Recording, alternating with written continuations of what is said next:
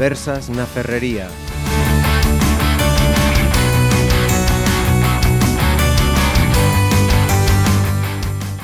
Saludos, arrancamos estas conversas na Ferrería para conocer un más que interesante, me parece a mí, eh, proyecto que se está terminando de poner en marcha aquí en Pontevedra. Vamos a hablar de artes, eh, vamos a hablar de los beneficios de estas eh, enseñanzas y me acompañan para ello tres de los doce artífices de esta iniciativa. Todos ellos son artistas en diferentes disciplinas.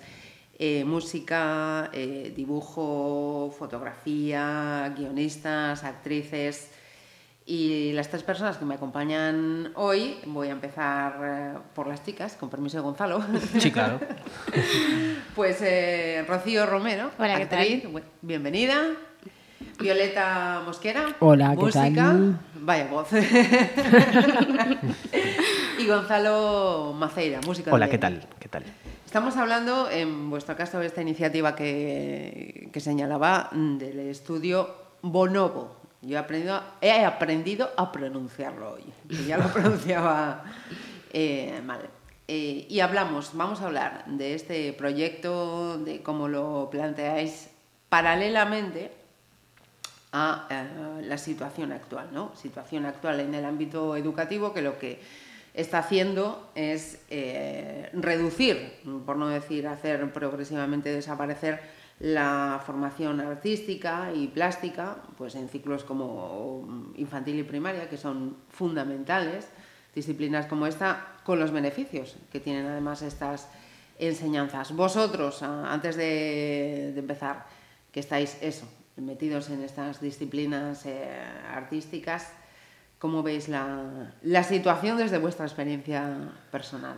Yo lo que veo es que, bueno, a mí eh, me toca directamente porque yo hasta ahora, bueno, este año renuncié a mi plaza como interino por, por apostar por eh, Estudo Bonobo y yo vi que, o sea, por ejemplo, tengo mogollón de alumnos que están en primero de eso, donde mm, desaparece la música, no hay música en primero de eso. A mí me parece una barbaridad, donde se fomenta un sistema competitivo de gente que esté más preocupada, ¿sabes?, por alcanzar unos contenidos pasando por encima de otros y olvidando el factor humano, que al final, el día de mañana, eh, yo sinceramente, si tengo que escoger entre una persona que sacó un mogollón eh, de sobresalientes en... en Matemática, base- sí, sí. ciencia, en química. El componente humano, saber trabajar en equipo, es mucho, es, es un valor añadido que no se dan cuenta que es que a través de, por ejemplo, en el caso que me toca a mí, ¿no? La, la música, pues se fomenta, o sea, o sea es súper explosivo, ¿no? Como aparece.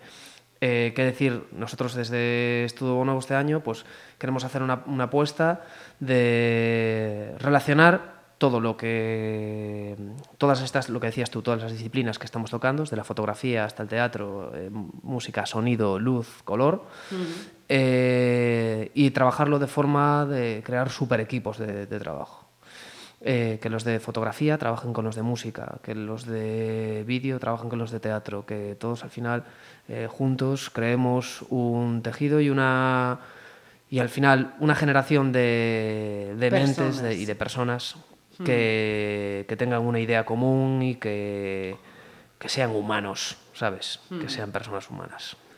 Yo, aparte, quiero añadir que, bueno, no solo las artes están sufriendo recortes en lo que es el currículum académico, sino que, por ejemplo, otra cosa que a mí me flipa y que me parece un crimen que se vaya a eliminar, que es la filosofía, ¿no? O sea, creo que lo- un poco lo que decía Gonza, que, que lo que quieren crear es eh, mm, gente súper heterogénea, ¿no? No, no, no desarrollar ese espíritu creativo, crítico, ¿no? El preguntarnos, el, el- el ir un poco más allá de, de- de las apariencias, ir un poco adentro de nosotros y, y reflexionar sobre, pues, para eso las artes, ¿sabes? O sea, son, son una pasada y efectivamente eso, lo que queremos no es solo tratar las artes como entes aislados, ah, pues mira, la música por aquí, el otro por aquí, al contrario, ¿sabes? O sea, creo que se retroalimentan, que flipas, que, y que mm, se trata un poco de eso, ¿no? De que, o sea, todos tenemos arte dentro, es una, una expresión humana súper natural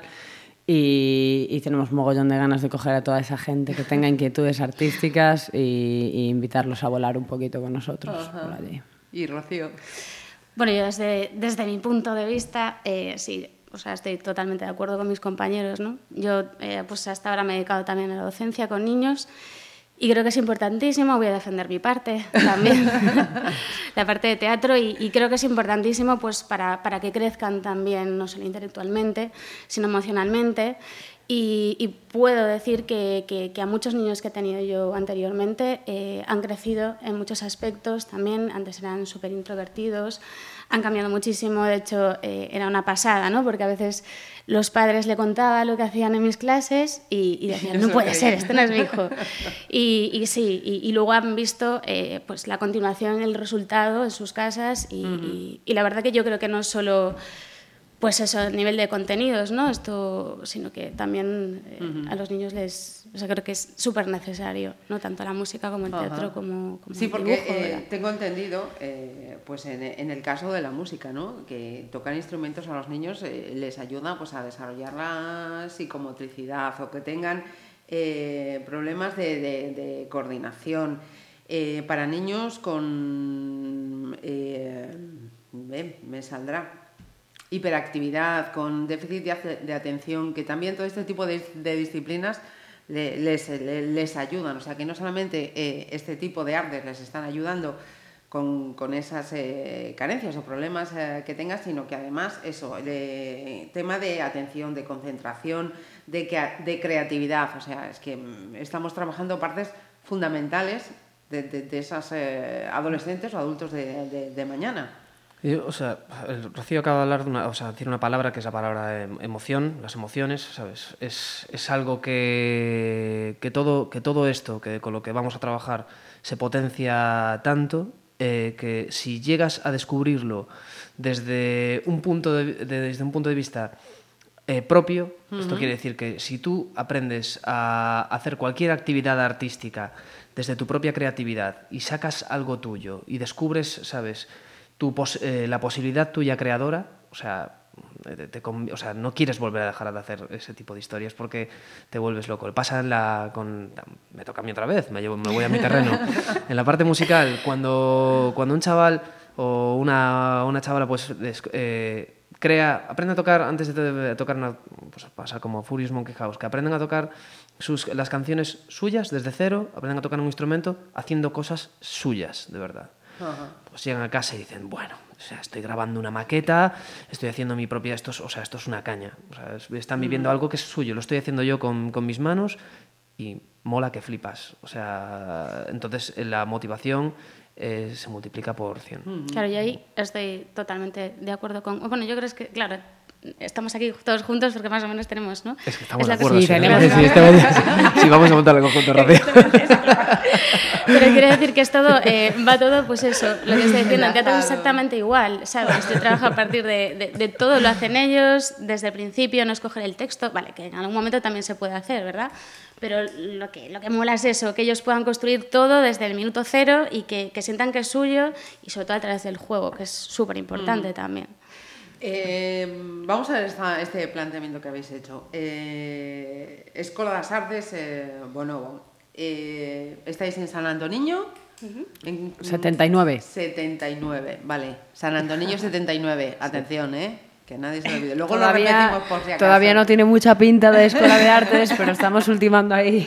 Sí, estamos a fuego ahí acabando. Abrimos el, el 15 de sábado, teníamos previsto abrir para mediados de mes, y, pero el 17 lunes eh, abrimos las puertas. Vamos a hacer unas jornadas de convivencia, vamos, abrimos el, el plazo de matrícula para la gente que se quiera matricular y empezaremos ya con la gente de música y teatro a funcionar el lunes, un poco ahí para ir tanteando, ir habituándonos al espacio.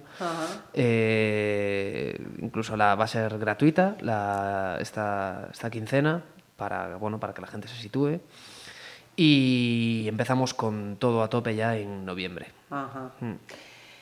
Eh, ¿A partir de qué edades? He visto a partir de tres. efectivamente. Ujú, ¿Por qué tres? Porque yo ya sé de alguna mamá que está diciendo, el mío tiene dos y, y estoy loca porque se ponga delante, por ejemplo, de una batería, que además el niño apunta maneras. Sí, bueno, eh, de tres van a ser un poco los que los eh, un poco los que menos.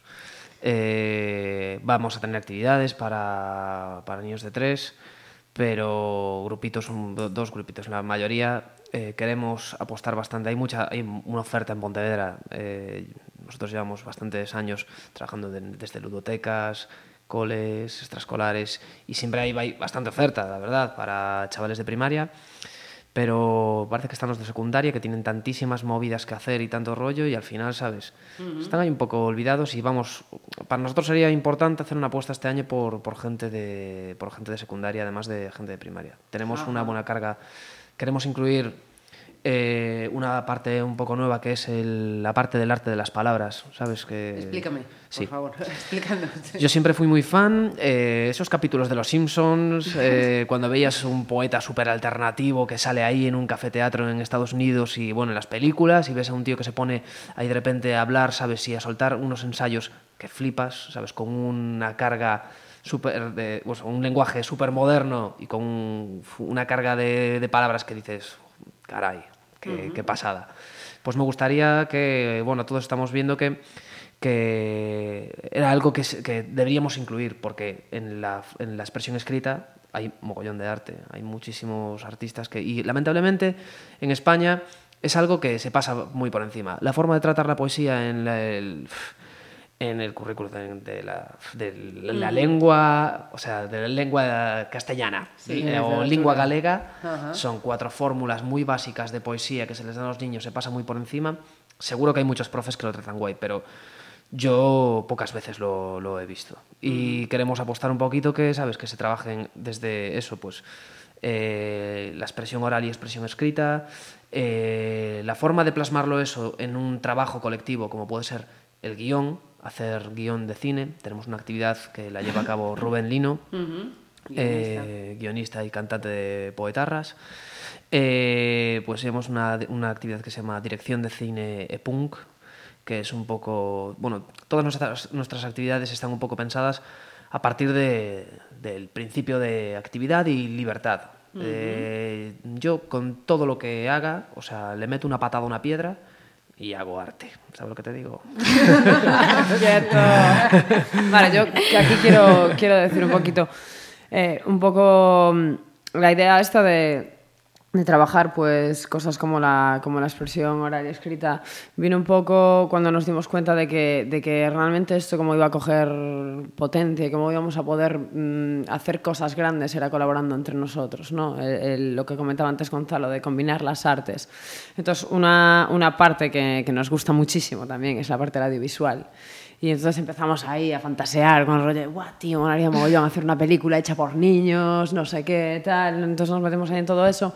Entonces nos dimos cuenta de que, jolín, vale, está muy guay la fotografía, a todos nos gusta hacer fotos, está guay pues tocar, está guay de teatro, pero eh, realmente eh, si, si eres niño y tienes inquietudes, o sea, por ejemplo, está el garage hermético, ¿no? Con dibujo, hay, hay mogollón de tal, pero ah, en lo que respecta a expresión, eso, escrita, poesía y rock and roll, creación de, de contenido así escrito, no había nada de eso, entonces dijimos, guau, tío, o sea, tenemos que, que hacer aquí una apuesta fuerte porque queremos tener a los guionistas del mañana, queremos, eh, ¿sabes? Queremos que...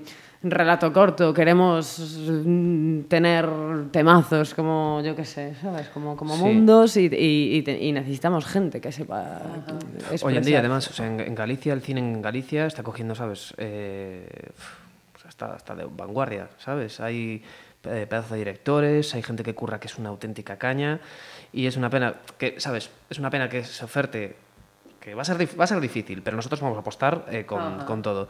Ofertar, bueno, eh, poesía e arte das palabras. Dice, venga, ahí, va a ir tu abuela ahí a ese rollo, ¿sabes? Me aburro, venga, me aburro. Eh, va, a ser, va a ser complicado y que la gente, ¿sabes? Que pase de estar viciando, echando una partida al pro a decidir eh, meterse en un taller de expresión escrita y sacar lo que lleva dentro. Concienciar a, la, concienciar a la gente va a, ser, va a ser complicado, pero yo confío en el ser humano. Claro que sí. Seres humanos, seres humanos.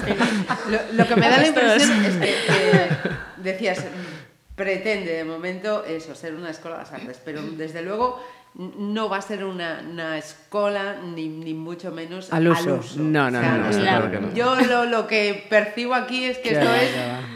Totalmente diferente con una energía tremenda. Un locurón.